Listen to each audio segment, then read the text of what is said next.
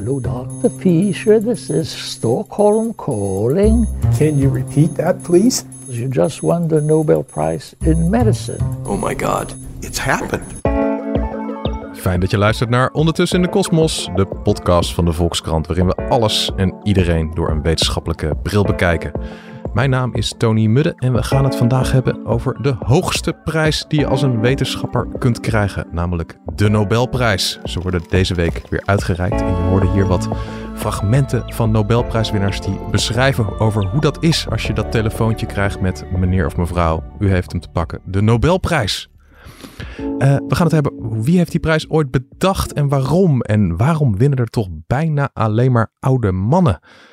En als je zo'n prijs dan eenmaal krijgt en je wordt op dat schild gehesen, is dat eigenlijk wel goed voor je geestelijke gezondheid? Nou, er zijn wel wat voorbeelden waarbij dat niet helemaal lekker ging. Ik ga het erover hebben met Jeroen Visser, onze Scandinavië-correspondent, die zelf rondliep in de Zweedse Academie voor Wetenschappen, waar de helft van de Nobelprijzen worden vergeven. En hij sprak daar ook alle hoofdrolspelers. En ook aan de microfoon Maarten Keulemans, die bij de krant na het horen van en de Nobelprijs gaat naar razendsnel gaat bellen, onderzoeken van wie er in hemelsnaam toch gewonnen heeft. En eh, voor gewone stervelingen dan probeert uit te leggen wat er dan ontdekt is, wat zo briljant is. Uh, Jeroen, ja, om met jou te beginnen. Je, je woont nu al een tijdje in, in, Zweden. Dus uh, meteen maar even testen. Hoe zeg je in het Zweeds en de Nobelprijs voor natuurkunde gaat dit jaar naar. uh, nou, dat wordt zoiets als uh, Kungliga Wetenschapsakademien har idag beslutet att utdela 2023 Nobelpris i fysik till... puntje, puntje, puntje. Hoorde ik nou het woord uit te delen? Uitdela, ja, inderdaad. Dat is uh, ja, uitdelen. Dus uh, ja, ja, dat doen ze. Hè? Toekennen. Ja. Nou, ik, ik ben onder de indruk hoor. Dit, dit, dit, klonk voor mij in ieder geval heel Zweeds. Ik weet niet of het voor native Swedish speakers ook zo was, maar ik ben onder de indruk. Ja, ik doe mijn best. en ja, bedoel, jij, jij bent daar binnen geweest bij de, de Zweedse Academie voor Wetenschappen, zeg maar het, het, het heiliger der heiligen van de, de Nobelprijzen. Ja, wat, wat is dat voor plek? Wat, wat, wat valt je op als je daar als, als, buitenstaander voor het eerst rondloopt? Ja, dat is, het is natuurlijk een heel klassiek gebouw. Hè? Het, is een, het is een heel oud gebouw en er werken heel veel wetenschappers, er wordt heel veel onderzoek gedaan. Uh, imposant gebouw, maar ook wat me wel meteen opviel als je daar in die gangen rondloopt en uh, je hebt dan van die klassieke kamers hè, met uh, schilderijen. Allemaal mannen.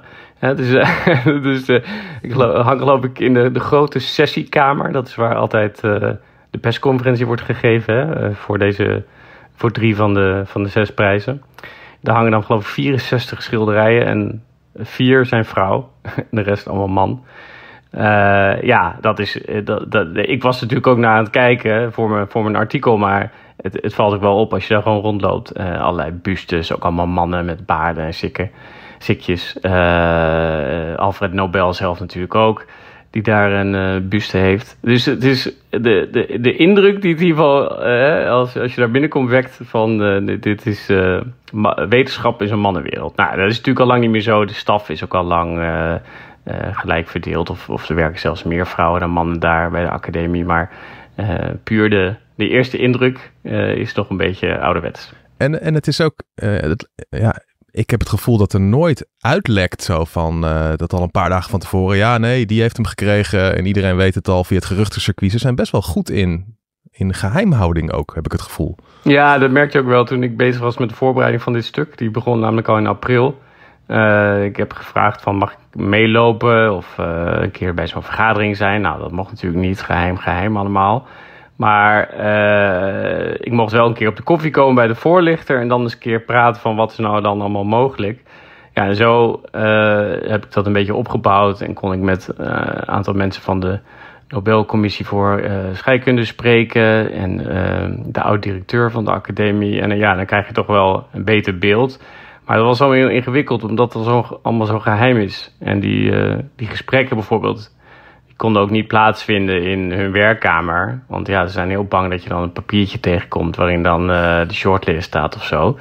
Dan staat de omzicht functie elders, toch? Daar zijn ze dan natuurlijk bang voor dat er staat van nooit een Nobelprijs voor die en die. Want je dat dan ergens in een hoekje op een papiertje staat of zo. Ja, precies. Ja, zoiets. Nou ja, dus dat kan al niet. Dus dat is ook heel, en, en alle woorden worden allemaal heel zorgvuldig afgewogen. Hè? Dus uh, als je, tenminste, als je begint met vragen naar uh, nou, hoe gaat dat eigenlijk in zijn werk? En uh, hoe, zit, hoe zit de procedure eigenlijk in elkaar? En wat zijn jullie, hoe, hoe, hoe doen jullie het nou als commissie? Is het nou niet lastig als je als je bijvoorbeeld niet overeenstemming kunt uh, bereiken, ja, wordt ja, dan krijg je van die hele moeilijke gezichten tegenover je. En nou ja, langzaam maar zeker wist ik er wel wat uit te persen. Maar het is, ja, het is, die traditie van geheimhouding die zit er gewoon heel uh, uh, sterk in. En hoe lang hebben we die al, die Nobelprijzen? 1901 zijn ze ermee begonnen.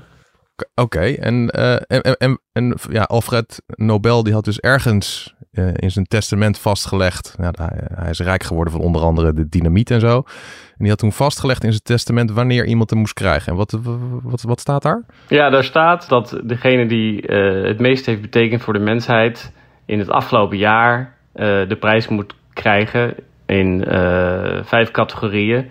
Dus natuurkunde, geneeskunde, scheikunde, de vrede want hij was een pacifist, dus uh, dat, uh, die heeft hij ook toegevoegd. Um, en dan hebben we, welke ben ik dan vergeten?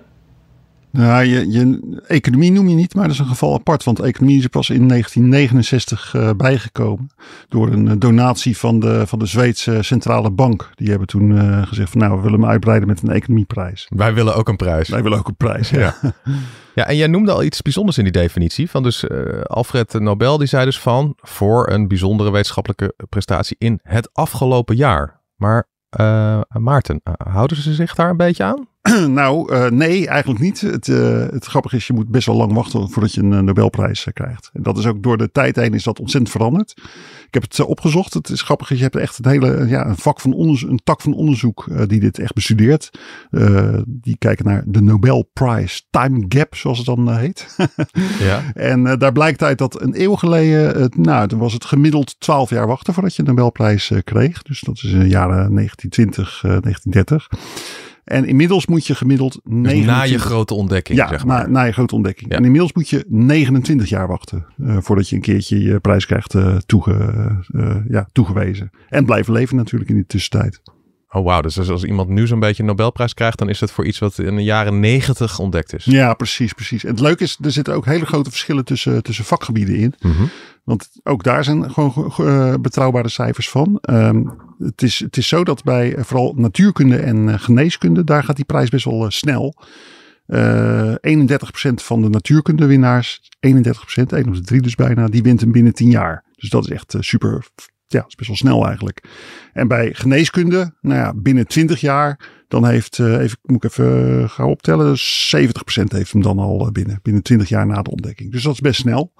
Maar ja, je moet vooral niet uh, de Nobelprijs voor de economie proberen te winnen. Want dat duurt echt gigantisch lang. Dat duurt, uh, nou, uh, is niemand die wint hem binnen 10 jaar. Ja. en daar ligt het zwaartepunt echt, nou ja, tussen de 21 en de 30 jaar wint 45% van de winnaars die wint hem. En uh, ja, na 50 jaar zijn er ook nog steeds mensen die hem winnen. Dus het is, dat is echt een prijs die heel erg lang erover doet uh, voordat hij een keertje valt op, jou, uh, op jouw vak, op en, jouw ontdekking. En misschien even aan de hand van, van, een, van een voorbeeldje dat we kunnen proberen uit te leggen waarom het zo lang duurt. Want ik, ik dacht dus, vorig jaar had ik, en het jaar daarvoor eigenlijk ook, had ik al mijn geld gezet op een, een Hongaarse mevrouw, Katalin Kariko. Ja. Zij is eigenlijk een van de bedenkers van de mRNA-vaccins. Ja, en Ugur Sahin en zijn vrouw. Ja, ja die precies. Ook, ja. Die, dan denk je van, die hebben de coronavaccins, miljoenen levens gered, amper bijwerkingen. En toen ging de prijs, dacht ik van, nou, ik zat er helemaal klaar voor. We hadden van spreken al het nieuwsbericht al getikt. En, en iets naar iets totaal anders, iets fundamenteels over hoe mensen druk en temperatuur voelen. En vorig jaar ging hij naar een, een zweet die een oermens had ontdekt. Hé, hé, hé, hé. Je gaat toch niet lullig doen over Svante Pabo, hè? Oh, oké. Okay. De, de uitvinder van het ancient DNA. Want die was wel heel... Nee, okay, dat is echt okay. een hele grote jongen. En uh, nou, dat is uh, eindelijk dat hij hem ook eens een keertje won. Dus, maar heeft hij miljoenen levens gered? Uh, nou, nee, dat nou ook weer niet. Maar wel diepe inzichten in de prehistorie. Hoe, hoe kan maar ik snap, ik snap je hoe, punt. hoe kan hij niet gaan naar iemand die miljoenen levens heeft gered met ja, een nieuw type vaccin? Ik snap hoe het. kan dat? Ten eerste komt dat gewoon omdat je, nou ja, bij zoiets als vaccins, dan is het, de vinding is nog niet echt uitgekristalliseerd. Stel nou ineens dat er gewoon iets gigantisch misgaat. Uh, blijkt ineens dat die mRNA-vaccins hebben een of ander heel iets wat niemand had zien aankomen. Het virus gaat erdoor muteren of het heeft gewoon allemaal nadelen. Of, of Ugur Sahin blijkt de boel te hebben bedonderd en zichzelf uh, verrijkt ermee of zo. Dat kan allemaal aan het licht komen. Dus er zit een element in dat ze gewoon nog een tijdje wachten totdat het, ja, weet je, het stof is gaan liggen en, en ja, de kust veilig is om zo'n uh, zo'n ontdekking uh, te belonen. Dat zag je bijvoorbeeld bij de ontdekking van CRISPR-Cas. Ja. Een hele geruchtmakende genetische techniek. Iedereen zei meteen het jaar erop of nou, dit is gewoon zo'n zo enorme doorbraak. Dit, dit gaat gewoon meteen de Nobelprijs opleveren. Ja. Ja, wat gebeurde er toen? De ontdekkers die kregen eerst een ruzie met elkaar. Wie had nou de patenten? Wie had het nou echt ontdekt? En dat heeft, ja, dat, die, die uh, ruzie moest eerst opgelost zijn voordat een keertje die Nobelprijs uh, werd uh, toegekend. En inmiddels is hij ook toegekend. Dus dat is een element wat, wat speelt. Is dat eigenlijk een beetje vergelijkbaar met wat je ook hebt met het, uh, het vernoemen van mensen voor straten en zo? Ja, dat precies. Ze, dat ze dan Moet zeggen... je wachten tot ze dood zijn, omdat ze misschien in hun leven kunnen ze eigenlijk nog, uh, ja, wie weet dat ze ineens iets heel fouts gaan doen of zo. Ja, Als ze ineens een uh, buurvrouw vermoorden, dan uh, ja. nee, maar, in je straat. Dit, dit hoor je dus ook als je met de commissieleden spreekt. Ze hebben, zijn nog gewoon heel erg bang dat als ze iemand uitkiezen, dat het later blijkt dat het niet helemaal goed was. En dat het een verkeerde keuze ja. was. En ze willen absoluut zeker zijn dat het, uh, dat, de, dat een goede ontdekking was, die ook heel veel betekend heeft. En die, die ook mee kan in het, in het rijtje. Want je hebt natuurlijk Einstein, Niels Bohr. Ik bedoel, gaat maar na wie deze prijs allemaal heeft gewonnen. En je wil natuurlijk dat dat rijtje blijft kloppen. En daarom heeft deze prijs natuurlijk die status die het heeft. Ja. Heb jij nou het idee ook, Jeroen, want ik, het valt mij wel altijd op, wat, wat Tony ook terecht zegt, dat in een jaar waarin iedereen het heeft over het coronavirus, dat ze dan toch ineens gaan kijken naar receptoren voor uh, ja, weet je wel, gevoeligheid voor druk en temperatuur. Is dat niet, zijn zij ook heel bewust mee bezig om om de hypes heen te gaan? Of, of ja, hebben ze wel enige voeling met de actualiteit? Hoe zie je dat? Nou, nee. Dus ik, ik heb niet het idee dat ze heel erg voeling hebben met de actualiteit. Omdat dat ook dat het meer een, een kwestie is van jaren voordat je zeg maar überhaupt op de shortlist komt. En als je daar op staat, dan wordt het nog zorgvuldig, wordt, wordt je papers gelezen en nog een keer uh, gekeken van, nou ja, wie, wie is het, klopt het rijtje wel met namen die we nu hebben? Uh, moeten we het niet nog een keer beter onderzoeken? Uh, laten we nog even wachten. Laten we eerst uh, deze andere kandidaten of die op de shortlist staan, laten we dit dan, die dan dit jaar doen. Hè? En ik heb meer het idee dat ze zo werken, wat ik opving uit, de, uit deze gesprekken, dan dat ze zeggen van de coronavaccins zijn zo belangrijk geweest. laten, we dat, laten we dat gaan belonen. Zo zitten ze gewoon ja. niet in elkaar. Ja. Maar dan zijn we eruit nu waarom dus, uh, weet je wel, de, de, de, hoofdvraag van deze podcast, waarom ze oud zijn. Ja, ik wil ja. nog één dingetje, er speelt nog iets anders mee namelijk. Uh, dat lees ik in diverse onderzoeken naar dit onderwerp. Die zeggen van ja, uh, het is ook een prijs die wordt overvraagd. Dat zou bijvoorbeeld kunnen verklaren waarom die economen altijd zo ontzettend lang moeten wachten totdat ze eindelijk een keertje de prijs krijgen. Er zijn gewoon ja, die prijzen pas later ingesteld. En ja, er was een achterstand van belangrijke economen weg te werken. Dus er zijn heel veel economen die hebben hele belangrijke dingen gedaan. En je kan er maar één per jaar, maar één vinding kan je dan belonen. Dus dan krijg je gewoon vanzelf het effect dat, ja, uh, dat je gewoon langer in de rij moet staan voordat je een keertje de die, prijs, die prijs kan krijgt. winnen. Ja. ja. Nou, dan zijn we nu uit waarom het vooral oude mensen zijn die hem winnen. Maar dan zijn we ook nog bij het element waar jij in het begin al even, uh, wat jij al aankaartte. Van ja, dit, dit is wel echt een mannenwereld. Ja, ik zat zelf even naar die statistieken te kijken met hoeveel bijvoorbeeld bij de natuur en scheikunde dan uh, er de vrouwelijke winnaars zijn. Dan heb je het echt over minder dan 5 procent. Um, is dat gek, Jeroen? V vinden ze dat zelf gek? Of zeggen ze van ja, nou ja, zo is het helemaal? Nee, dat vinden ze zelf ook wel uh, ongemakkelijk is het juiste woord, denk ik. En, uh, en dat is ook de reden waarom ze uh, hebben gekeken de afgelopen jaren van moeten we die procedure, uh, hoe we tot een kandidaat komen, moeten we dat niet een beetje gaan aanpassen. Want ze zeggen wel, we willen wel alles doen om te voorkomen dat ook in de procedure vrouwelijke wetenschappers worden achtergesteld. Want dat was bleek wel een beetje het geval te zijn. Kijk, wetenschap is natuurlijk, was natuurlijk een mannenwereld. En zeker als je prijzen gaat geven voor uitvindingen um, die decennia geleden zijn gedaan, ja, dan kom je natuurlijk vaak bij een man uit. Dus dat, dat is nou eenmaal zo. Maar mm-hmm. eh, nu bleek ook, toen ze naar die procedure gingen kijken, dat, je, dat ze wel. Dat, ze vragen bijvoorbeeld mensen om kandidaten te nomineren. Hè. Je kunt alleen maar de prijs winnen als je genomineerd bent. Uh, elk jaar opnieuw moet je weer genomineerd worden. En nou, daar vragen ze dus een hele lijst van wetenschappers, hebben ze daarvoor, die ze elke jaar uitnodigen om mensen te nomineren. Maar toen zijn ze dus kritisch naar die lijst gaan kijken, stonden wel erg veel mannen op. en mannen... Ze vroegen alleen maar naar mannen van wie zou je nomineren voor een Nobelprijs? Nou ja, mannen, mannen, mannen blijken vaak mannen te nomineren. Zeker als je maar één keuze hebt. Dat, dat was toen ook het geval. Uh, nu, nu, ze, nu zien ze dus van als we meer vrouwelijke wetenschappers vragen om anderen te nomineren, worden er ook meer mhm. vrouwen genomineerd. En als je mannen vraagt om meer verschillende kandidaten te nomineren, krijg je ook meer vrouwen. Dus dat is wel uh, dat is een kleine revolutie in het nominatieproces. Maar eigenlijk met een hele simpele ingreep. Zonder de, de erfenis van uh, Alfred Nobel uh, geweld aan te doen. krijg je toch een eerlijkere verdeling. Maar dat heeft wel, dat is pas iets van de laatste jaren. Ja. Ik heb ook altijd begrepen dat er ook wel meespeelt een zeker leiderschapseffect. Dat de prijs gaat gewoon eerder naar de, de, de persoon die een onderzoeksgroep leidt. En dat zijn gewoon vaker mannen. Terwijl dan is het werk gewoon gedaan door, weet je wel, een uh, vrouw die op het laboratorium uh, de muizen zat uh, te voeden en te controleren. Maar ja, dan nog eens degene die met de eerste strijkt, is dan uh, de leider van het onderzoek, de man. zijn daar beroemde voorbeelden van? Van vrouwen waarvan nu iedereen zegt van ja, maar die is gewoon over het hoofd gezien bij die Nobelprijs. Die had ja, moeten krijgen. Een heel bekend voorbeeld waar veel, veel discussie ook over is, is uh, Rosalind Franklin van de, de ontdekking van de DNA-structuur. Die prijs is mhm. gegaan naar Watson en Crick. Ja. En nog een derde man, wiens naam ik even ben vergeten zelfs. Ja. Terwijl een heel belang, een belangrijk werk is ook gedaan door die Rosalind Franklin. En daar is wel discussie over van hoe belangrijk was haar rol nou eigenlijk echt. Maar het is wel een loepzuiver voorbeeld van, ja, weet je wel, de vrouw die achter de schermen best wel belangrijk werk deed. En uh, de mannen die uh, met de prijzen vandoor gaan. Ja, ja. Zijn er meer van dat soort voorbeelden? Nou ja, je hebt toch gewoon die lijstjes op, eh, op internet van wie had, welke vrouw had, uh, had de prijzen moeten winnen eigenlijk. Uh, dat heeft, heeft niet altijd te maken met uh, de, de, de plek in de, in de vakgroep of in het team. Maar bijvoorbeeld, een bekend voorbeeld is bijvoorbeeld uh, Marilyn Gaston, die, die zeg maar door jarenlang onderzoek een methode ontwikkelde waarop je bij baby's sikkelcelziekte kan ontwaren. En nu wordt iedereen mhm. erop getest, hè? Alle, alle baby's die nu geboren worden, maar dat was niet zo ja, dat, zit gewoon in de hielprik uh, tegenwoordig inderdaad. Ook gewoon voor, voor baby's in Nederland, uh, die worden geboren en meteen worden ze op een aantal genetische afwijkingen getest. En dat is er één van inderdaad. Ja, dus ja, ja dat, dat heeft natuurlijk een grote betekenis gehad. Uh, dat is ook al lang geleden. Dus zij is een van de vrouwen van wie vaak gezegd wordt, zij zou hem eigenlijk moeten winnen.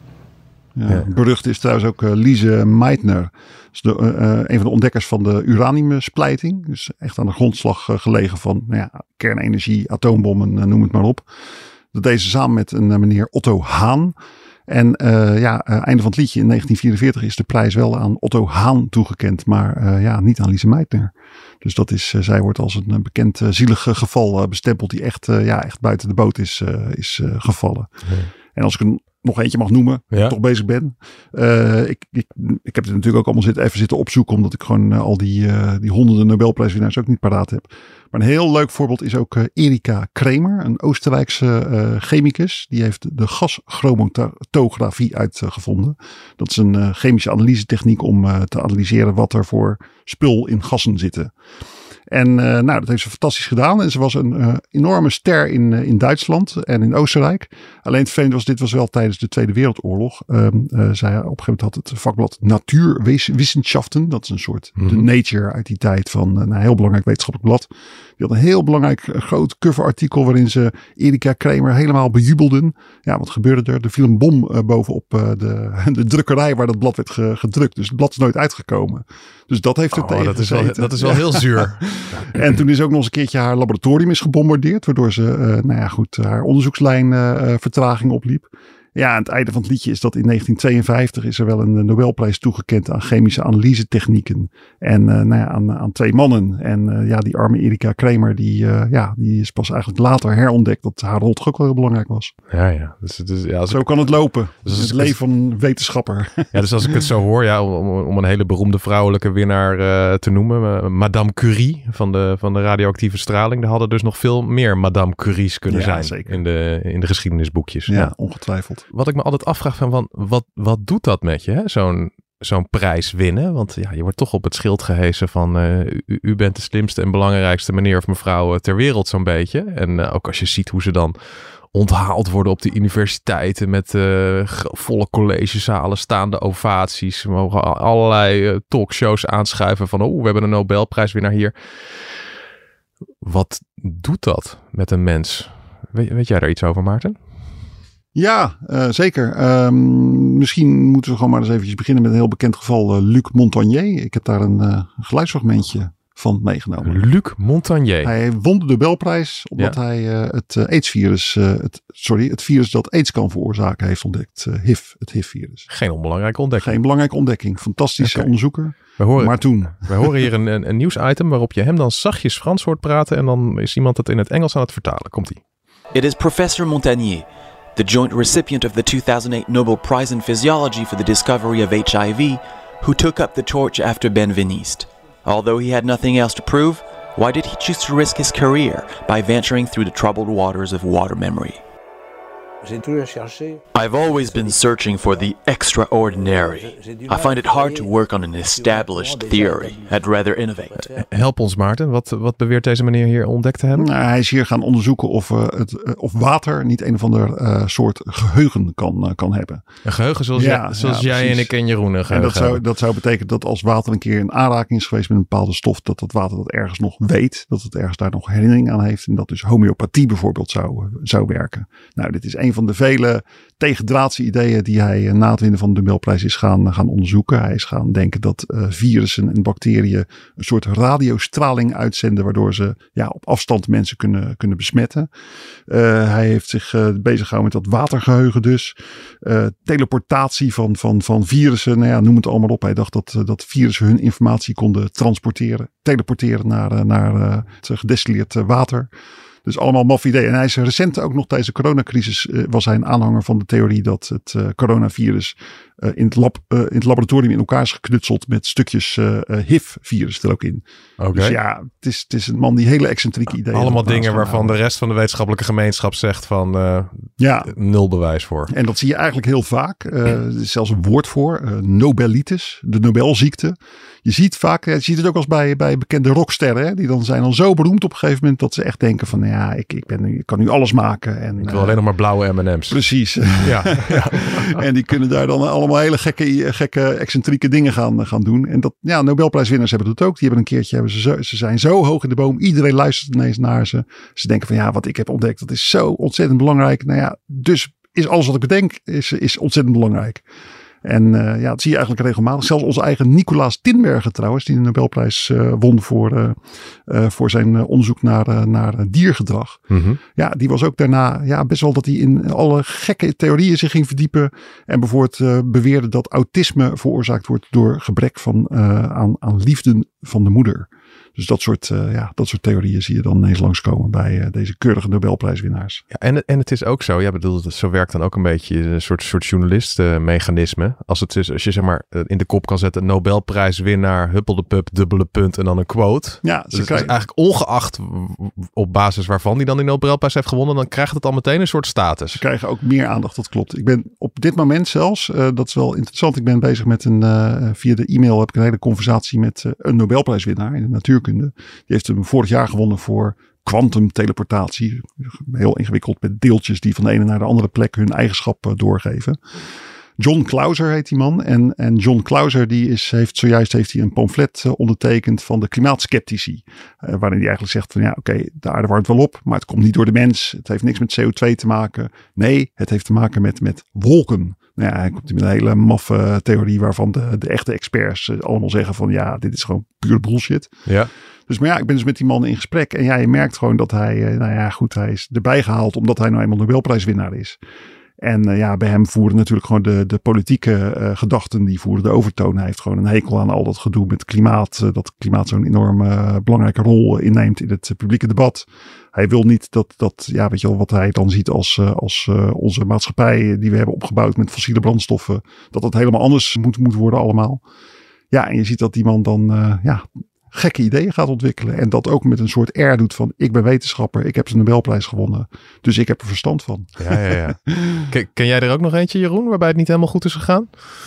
Uh, nee, nee, eigenlijk niet. Maar ik weet, ik weet wel een lijstje met. Uh, uh, met je krijgt natuurlijk heel veel geld hè, als je wint. Een miljoen euro is het ongeveer per, per prijs. Als je, soms moet je dus delen hè, met je, met je medewinnaars, maximaal drie.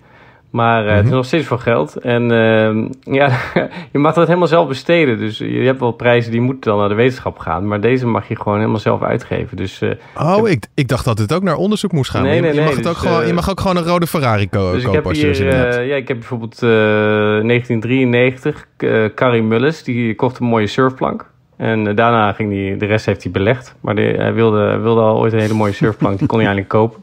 en dan heb je nog... Ja. Uh, maar, een surfplank is toch ook weer niet zo super duur? Of was dit nee, een gouden surfplank met diamanten of zo? En uh, nou, hier, Paul Nurse, die, kocht een, uh, die, die won hem in 2002 geneeskunde, kocht een, kocht een motorfiets. En ehm, en dan heb je nog een beroemd voorbeeld van uh, George Charpak, Fransman, uh, natuurkunde. 92, die, kost, uh, die kocht de duurste handgemaakte schoenen die hij kon vinden. Omdat hij daar al een heel leven niet aan toegekomen was, zei hij. ja, dus nou ja, zo zijn, er, zo zijn er wel meer voorbeelden. Want ja, je mag het dus helemaal zelf bepalen, ja. ja. Oh ja.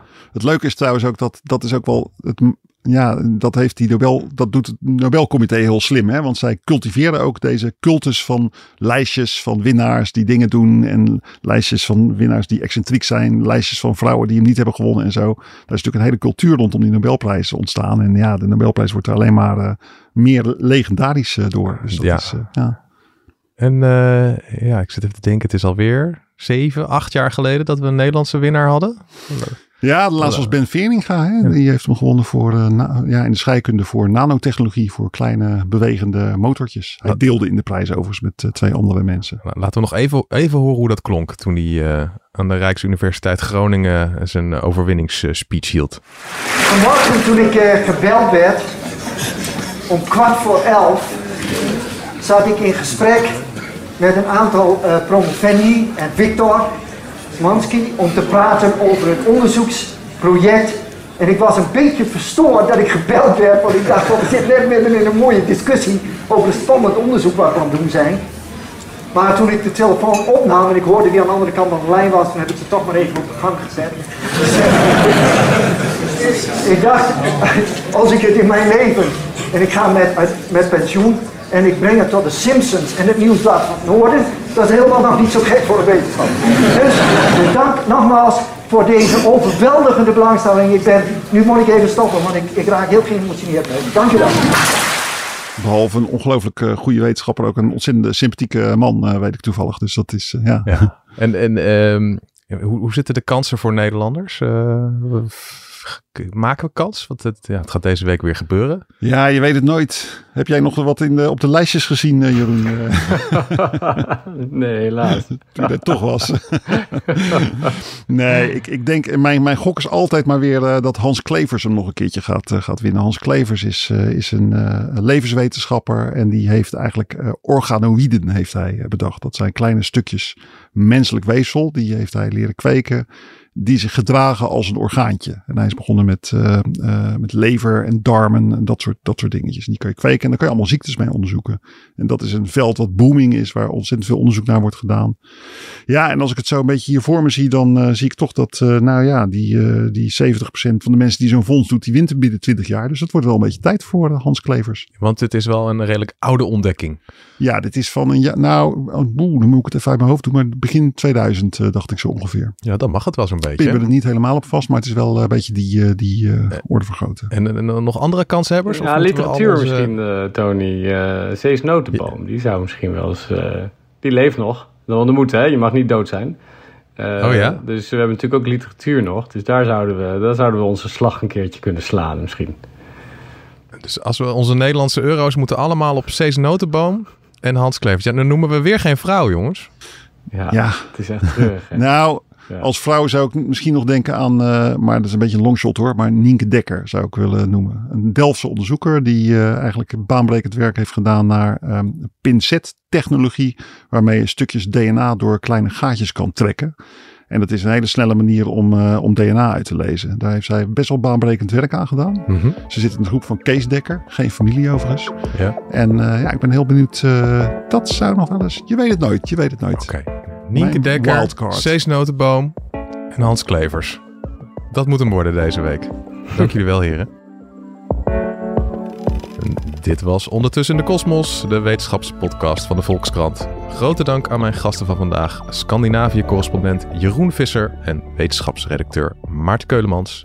Mijn naam is Tony Mudde en graag tot de volgende keer met weer een geheel nieuw, spannend, nieuw, nieuw, nieuw onderwerp. Tot dan.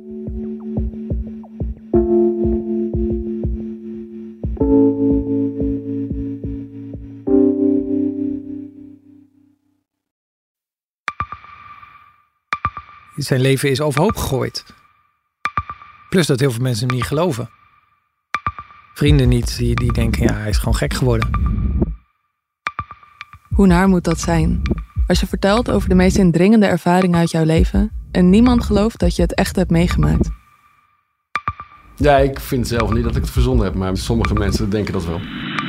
Maar hoe kom je erachter of jij je doelwit bent van een geheime dienst? Ik heb ook wel eens meegemaakt dat je het idee hebt dat inlichtingendiensten in je geïnteresseerd zijn. En dan kun je wel heel veel zien, wat er misschien helemaal niet is. Als ik s'avonds nog iets ging eten, dan volgden die mensen mee naar het restaurant.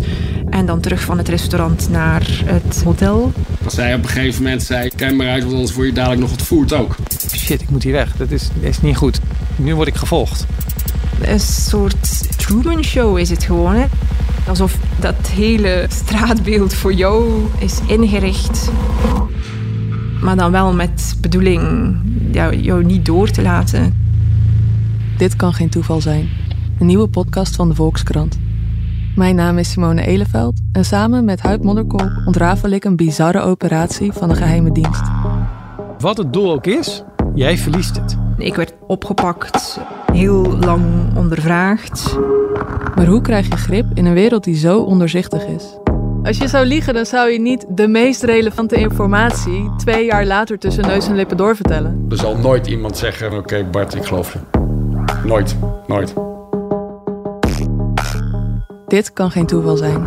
Vanaf 3 oktober bij de Volkskrant. Ik weet niet of ik ook alles kan vertellen. Het is echt te bizar. Wat? Um, ja.